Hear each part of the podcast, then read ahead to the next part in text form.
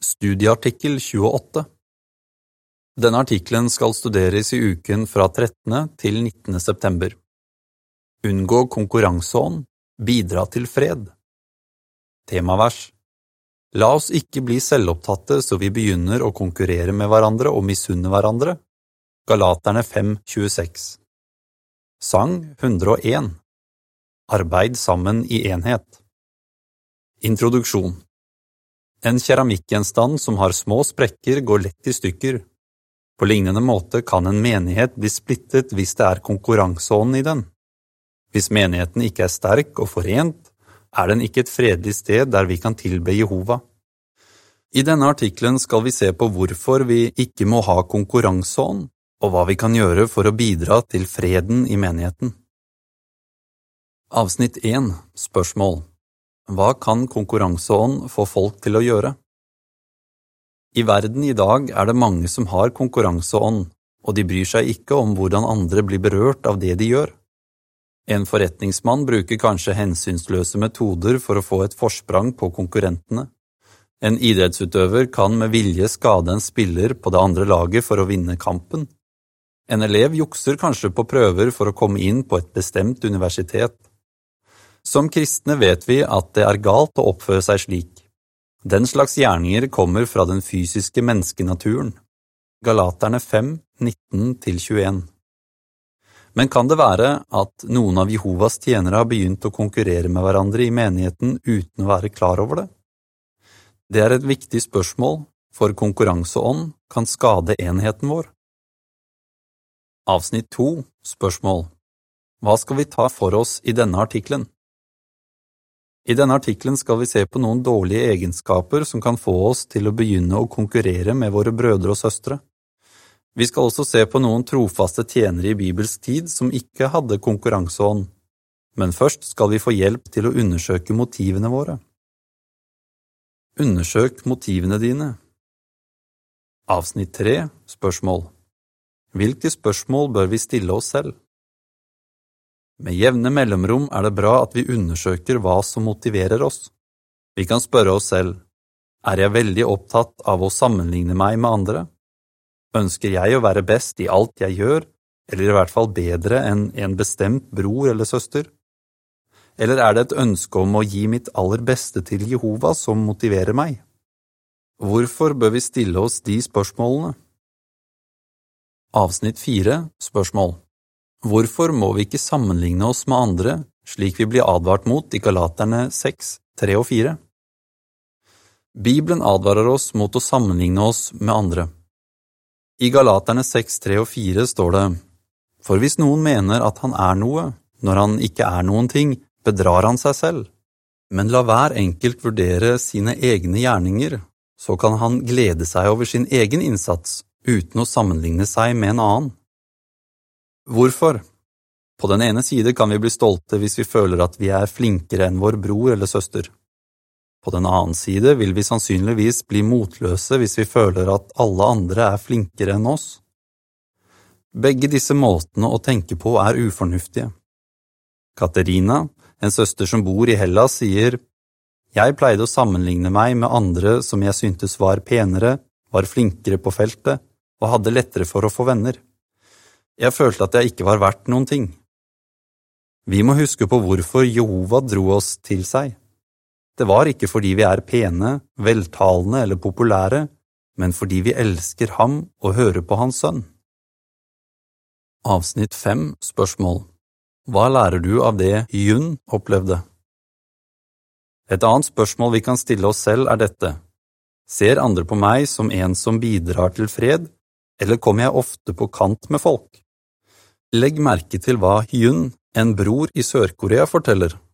Før så han på dem som hadde privilegier i menigheten som konkurrenter. Han sier, Jeg var kritisk til disse brødrene, og jeg var ofte uenig i det de sa. Hva førte det til? Holdningen min forstyrret enheten i menigheten, innrømmer han. Noen av vennene hans hjalp ham til å forstå at han hadde et problem. Hyen gjorde de forandringene som trengtes, og i dag er han en dyktig eldste. Hvis vi oppdager at vi har en tendens til å konkurrere med andre i stedet for å bidra til fred, må vi gjøre noe med det. Ikke bli selvopptatt og misunnelig. Avsnitt 6 Spørsmål Hvilke dårlige egenskaper kan føre til konkurranseånd, ifølge Galaterne 5.26?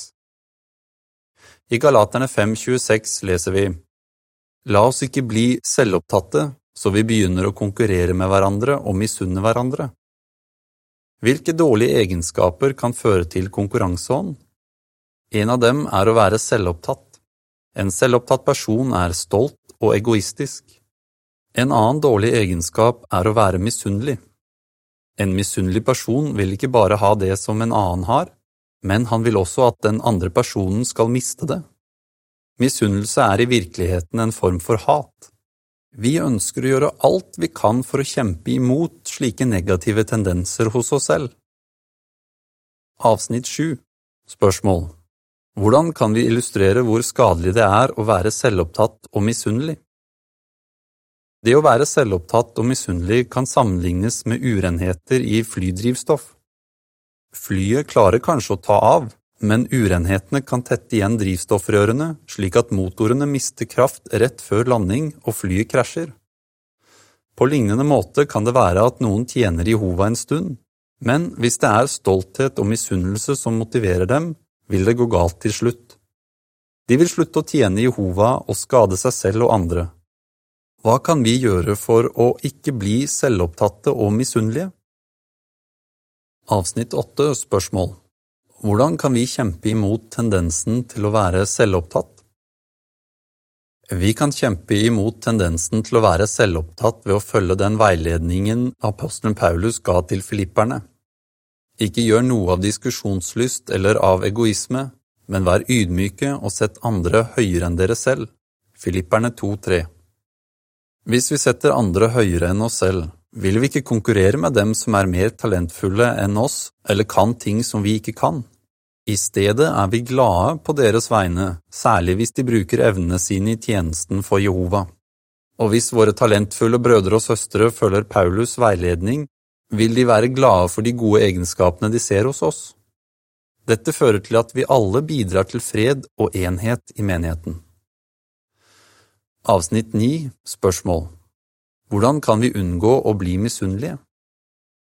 Vi kan unngå å bli misunnelige ved å være beskjedne, det vil si at vi er klar over våre egne begrensninger hvis vi er beskjedne, vil vi ikke prøve å bevise at vi er mer talentfulle eller flinkere enn alle andre. I stedet vil vi være interessert i å lære av dem som er dyktigere enn oss. Kanskje en bror i menigheten holder veldig gode offentlige foredrag. Vi kan spørre ham hvordan han utarbeider talene sine. Hvis en søster er flink til å lage mat, kan vi spørre henne om tips som kan hjelpe oss til å bli flinkere. Og hvis en ungdom synes det er vanskelig å få venner, kan han eller hun spørre om råd fra noen som har lett for å få venner. Dette kan hjelpe oss til å unngå misunnelse og til å lære nye ting. Lær av eksempler i Bibelen. Avsnitt 10 Spørsmål Hvilken utfordring møtte Gideon? Tenk på det som skjedde mellom Gideon, som tilhørte Manasses stamme, og mennene i Efraims stamme. Jehova hadde hjulpet Gideon og hans 300 menn til å vinne en imponerende seier som kunne ha gjort dem stolte. Efraims menn møtte Gideon for å skjelle ham ut, ikke for å rose ham. Det ser ut til at stoltheten deres var såret fordi Gideon ikke hadde bedt dem om å være med fra begynnelsen av, da han dro ut for å kjempe mot Guds fiender. De var så opptatt av stammens ære at de ikke så det store bildet. Gideon hadde nettopp brakt ære til Jehovas navn og beskyttet hans folk. Avsnitt 11 Spørsmål Hvordan svarte Gideon Efraims menn? Gideon sa ydmykt til Efraims menn, Hva har jeg gjort sammenlignet med dere? Så nevnte han et konkret eksempel på hvordan Jehova hadde velsignet dem. Da mennene hørte dette, roet de seg. Dommerne 8, 2 og 3 Gideon valgte å sette all stolthet til side for å bevare freden blant Guds folk. Avsnitt 12 Spørsmål Hva lærer vi av Efraims menn og av Gideon? Hva kan vi lære av denne beretningen? Av Efraims menn lærer vi at vi ikke må være mer opptatt av vår egen ære enn av at Jehova skal få ære. Vi som er familieoverhoder og eldste, kan lære noe viktig av Gideon. Hvis noen er opprørt på grunn av noe vi har gjort, bør vi prøve å forstå hvorfor han føler det slik. Vi kan også rose ham for noe bra han har gjort. Å gjøre det vil kreve ydmykhet av oss, spesielt hvis det er tydelig at den andre overreagerer. Men det er mye viktigere å bevare freden enn å bevise at vi har rett. Til avsnittene 10 til 12 er det et bilde. På bildet ser vi Gideon som snakker med bevæpnede efraimitter. Bildetekst Fordi Gideon var ydmyk, bevarte han freden med Efraims menn. Avsnitt 13 Spørsmål Hvilken utfordring hadde Hanna, og hvordan taklet hun den? Tenk også på Hanna. Hun var gift med levitten Elkana, som var veldig glad i henne. Men Elkana hadde en kone til, Peninna. Elkana var mer glad i Hanna enn i Peninna, men Peninna fikk barn, men Hanna fikk ikke barn. På grunn av dette gjorde Peninna hele tiden narr av henne og prøvde å såre henne. Hvordan reagerte Hanna? Det gikk veldig inn på henne. Hun gråt og ville ikke spise. Første Samuels bok 1, 2, 6 og 7. Likevel står det ingenting i Bibelen om at Hanna prøvde å hevne seg på Peninna. I stedet ba hun inderlig til Jehova og stolte på at han ville hjelpe henne. Ble Penina snillere mot Hanna? Det vet vi ikke, men vi vet at Hanna fikk tilbake sin indre fred. Hun så ikke lenger trist ut. Første Samuels bok 1.18 Avsnitt 14 Spørsmål Hva lærer vi av Hanna? Hva lærer vi av Hanna? Hvis noen prøver å vise at han er bedre enn deg til et eller annet, så husk at det er du som bestemmer hvordan du vil reagere. Du trenger ikke å la det utvikle seg til en konkurranse. I stedet for å gjengjelde ondt med ondt, bør du prøve å bevare freden med personen. Selv om han ikke forandrer seg, vil du ha indre fred. Til avsnittene 13 og 14 er det et bilde. På bildet ser vi at Hanna er på vei bort fra tabernakelet med et fredfylt uttrykk i ansiktet. Øverstepresten Eli ser på henne. Bildetekst Fordi Hanna stolte på at Jehova ville hjelpe henne, fikk hun tilbake sin indre fred. Avsnitt 15 Spørsmål Hva hadde Apollos og Paulus til felles? La oss til slutt se på hva vi kan lære av Apollos og Paulus. Begge kjente skriftene veldig godt, begge var kjente brødre og dyktige lærere, og begge hadde hjulpet mange til å bli disipler men ingen av dem så på den andre som en konkurrent. Avsnitt 16 Spørsmål Hva slags person var Apollos? Apollos var fra Alexandria, en by som var et senter for høyere utdannelse i det første århundret. Han var tydeligvis en dyktig taler, og han var godt kjent i skriftene. Apostlenes gjerninger 1824 Da Apollos tjente i Korint, var det noen i menigheten som ga uttrykk for at de likte ham bedre enn andre brødre, deriblant Paulus. Hadde Apollos gjort noe for å oppmuntre til dette? Det har vi ingen grunn til å tro. En stund etter at Apollos hadde reist fra Korint, ba Paulus ham om å dra tilbake dit. Paulus ville ikke ha gjort det hvis han mente at Apollos splittet menigheten. Det er tydelig at Apollos brukte evnene sine på en god måte til å forkynne det gode budskap og til å styrke sine brødre og søstre. Apollos må også ha vært en ydmyk mann. Det står for eksempel ingenting om at han ble fornærmet da Kvillas og Priskilla forklarte Guds vei mer nøyaktig for ham. Apostlenes gjerninger 18, 24–28 Avsnitt 17 Spørsmål Hvordan bidro Paulus til fred? Paulus kjente til det gode arbeidet Apollos utførte men han følte seg ikke truet av ham. Når vi leser det Paulus skrev til korinterne, ser vi at han var ydmyk, beskjeden og rimelig. I stedet for å bli smigret av dem som sa Jeg holder meg til Paulus, rettet han all oppmerksomheten mot Jehova Gud og Jesus Kristus. Første Korinter 3, 3–6 Avsnitt 18 Spørsmål Hva lærer vi av Apollos og Paulus ut fra første Korinter 4, 6 og 7? Hva kan vi lære av Apollos og Paulus? Vi gjør kanskje mye tjenesten for Jehova, og vi hjelper kanskje mange framover mot dåpen. men vi vet at vi klarer dette bare fordi Jehova hjelper oss. Vi lærer også noe annet av Apollos og Paulus. Jo større ansvar vi har i menigheten, jo mer kan vi gjøre for å bidra til freden. Vi er så takknemlige når eldste og menighetstjenere hjelper oss til å være forent og ha fred med hverandre.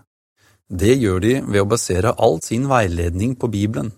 De prøver ikke å være viktige, men ønsker å hjelpe alle i menigheten til å følge vårt store eksempel Jesus Kristus. I første Korinter 4, 6 og 7 leser vi Brødre, jeg har anvendt disse tingene på meg og Apollos for deres skyld, for at dere ved hjelp av oss skal lære denne regelen, gå ikke utover det som står skrevet. Dermed kan dere unngå å bli oppblåst av stolthet og å favorisere den ene framfor den andre. For hva gjør deg annerledes enn en annen? Ja, hva har du som du ikke har fått? Og når du har fått det, hvorfor skryter du da som om du ikke hadde fått det? Til avsnittene 15 til 18 er det et bilde. Der ser vi at Paulus og Apollos har en hyggelig prat.